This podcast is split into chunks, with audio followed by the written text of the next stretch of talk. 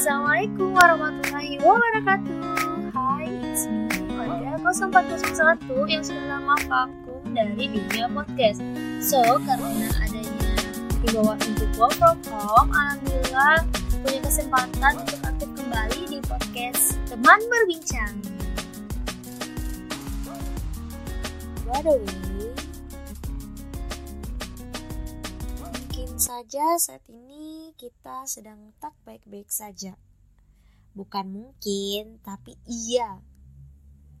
Karena setiap hari di berita itu yang ditayangkan mengenai update mengenai coronavirus. Saya bekerja di rumah pun karena adanya penyakit tersebut. Himbauan pemerintah saja sudah menyampaikan bahwa seharusnya kita tetap berada di rumah dan selalu menjaga jarak. Kalaupun memang kita harus keluar, eh, selalu jaga kebersihan, terutama bagian tangan.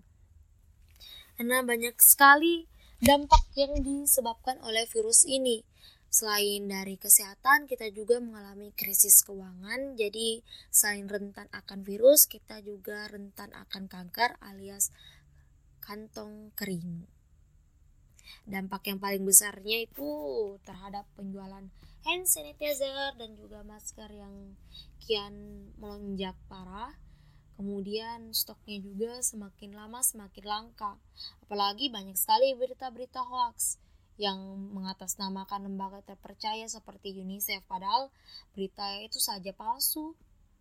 Bukannya mencegah, kita malah semakin rentan virus. Jadi kalau misalnya kita baca berita atau share berita sebaiknya langsung dari situsnya langsung situs terpercaya dari lembaga tersebut. E, karena saya juga sudah menjadi korban dan juga sempat menjadi pelaku penyebaran. Semoga untuk yang terakhir kali kita tertipu dengan hoax.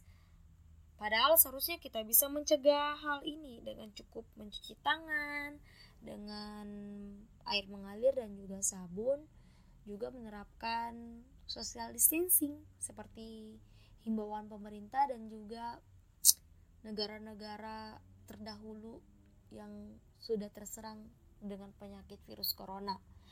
Nah, karena banyaknya mitos terkait pencegahan penyakit ini, uh, jadi saya mau share tentang info yang saya simak dari situs WHO dan CDC dan yang belum sempat membaca langsung mungkin bisa dengar infonya di podcast ini jadi jangan repot-repot untuk mendengarkan sampai selesai. Oke okay, saya akan uh, melihat dulu nih postingan hoax mana. Oke okay, nih uh, katanya coronavirus itu mati pada suhu panas dan dengan mandi air panas ataupun berjemur kayak ala-ala bule kita dapat mencegah virus corona um, mungkin peningkatan suhu bisa melemahkan virus ini tapi menurut WHO tidak membuat virus ini mati apalagi uh, postingan tersebut mengatakan bahwa virus ini mati pada suhu 26 sampai 27 derajat Celcius. Nyatanya pada daerah beriklim panas, virus ini pun masih bisa menular. Contohnya di negara Afrika dan Saudi Arabia. So, virus ini dapat bertahan pada kondisi apa pun. Satu-satunya cara untuk mencegah penularannya itu dengan cuci tangan, dengan air mengalir dan juga sabun. Jadi, usahakan kita jangan menyentuh bagian mata, hidung, mulut sebelum kita mencuci tangan karena rentan sekali uh, virus tersebut menular di tangan. Jadi kalau bisa dipasangkan warning di tangan agar tidak nakal untuk menggrepe-grepe wajah. Selanjutnya ada yang bilang juga kalau coronavirus itu menular melalui nyamuk ataupun feses. Nah, COVID 19 ini merupakan penyakit respirasi atau pernapasan. Jadi virus ini ditularkan melalui droplet yang dipercikan oleh seseorang yang terinfeksi ketika batuk atau bersin. Droplet ini tidak melayang bebas udara tapi dia akan jatuh bebas ke permukaan benda. So, karena droplet kebanyakan langsung jatuh ke permukaan benda, sehingga tangan kita itu yang paling berisiko terpapar virus tersebut. Lagi-lagi saya mengingatkan kalau yang paling tepat untuk menangani hal tersebut itu dengan cuci tangan. Selanjutnya itu ada yang mengatakan bahwa hand dryers dapat membunuh virus. Hand dryers tidak akan berdampak apa-apa terhadap virus karena kita harus membersihkannya dengan sabun atau air yang mengalir. Kemudian kita keringkan dengan tisu sekali pakai dan jangan membuang di sembarang tempat, harus buang pada tempatnya. Kemudian banyak di berita mengatakan itu dengan thermal scanner kita bisa mendeteksi virus corona. Pada eh, di bandara-bandara juga banyak yang menggunakan thermal scanner. Padahal thermal scanner ini gunanya untuk mendeteksi adanya peningkatan suhu. Peningkatan suhu juga ini memang salah satu untuk mengetahui bahwa kita terkena virus itu dengan kita cek apakah demam penyakit itu sekitar 38 derajat celcius karena kalau misalnya sudah mencapai 38 derajat celcius itu berarti kita sudah memiliki salah satu tanda infeksi. Tapi bukan hanya demam saja. Salah satu tanda infeksi. Jadi harus cek lagi faktor lainnya. Kalau misalnya takut akan hal tersebut sebaiknya langsung cek kesehatan. Kemudian ada juga yang menyebutkan bahwa menyemprotkan alkohol dan klorin spray ke seluruh tubuh dapat membunuh virus corona penyemprotan alkohol pada tubuh itu tidak membunuh virus yang ada di dalam tubuh tapi bukan berarti kita harus minum alkohol kalau bisa kita minum alkohol berarti itu haram dan kita akan mabuk dan itu juga tidak mencegah akan adanya virus di dalam tubuhnya kita supaya hilang. Jadi bisa menyebabkan penyakit-penyakit lainnya malah. Kalau bisa uh, itu hanya digunakan untuk di luar tubuh. Dan itu juga harus sesuai dengan ketentuan yang berlaku. Jadi tidak sembarang kita uh, menggunakan desinfektan di luar tubuh kita karena bisa jadi adanya iritasi.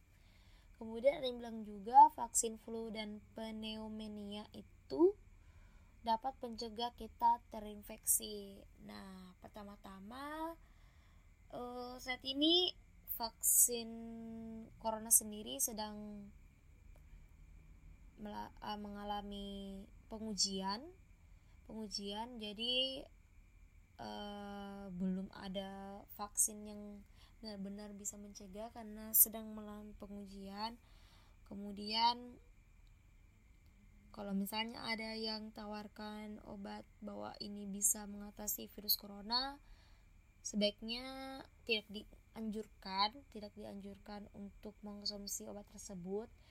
Kalau misalnya ada pun obat yang bisa untuk menjaga kesehatan itu lebih baik tapi jangan sampai berlebihan secukupnya saja. Yang penting kita sehat tetap tenang oke selanjutnya itu ada yang bilang lagi antibiotik dapat mencegah penularan. Nah, antibiotik ini sebenarnya digunakan untuk melawan bakteri, sedangkan virus sendiri dilawan pakai antivirus.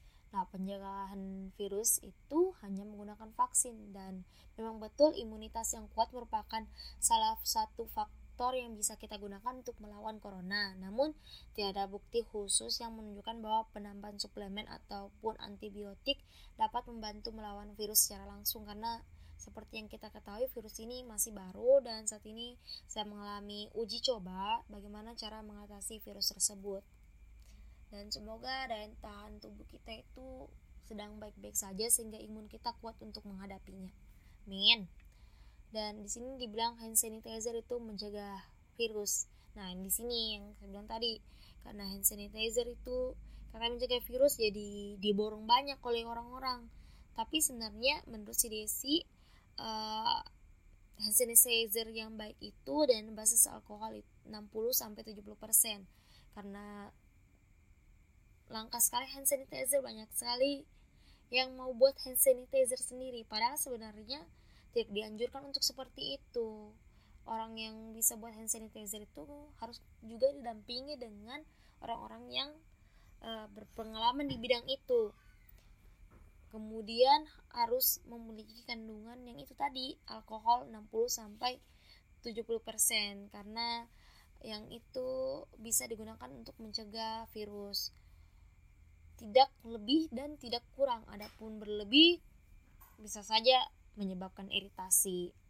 Terus kalau misalnya kehabisan uh, tidak apa-apa karena faktanya menurut WHO sendiri lebih merekomendasikan untuk menggunakan sabun dan air yang mengalir lebih dulu daripada hand sanitizer. Mungkin kalau misalnya kita aktif di luar ruangan mungkin memang kita perlu hand sanitizer. Tapi kalau misalnya kita masih bisa dapat sabun dan air gunakan saja sabun dan air. Seperti itu kemudian kalau misalnya kayak minum air itu dapat membunuh virus nah terkadang memang tenggorokan yang serak itu kayak kita parno nih kalau misalnya kalau kita batuk ih jangan sampai terkena virus corona padahal sebenarnya kalau hal tersebut juga belum tentu kita terserang Meskipun memang minum air dapat mengurangi gejala serak, tapi air tidak dapat membunuh virus.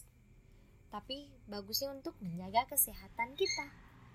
Selanjutnya itu memakai masker dapat mencegah virus corona.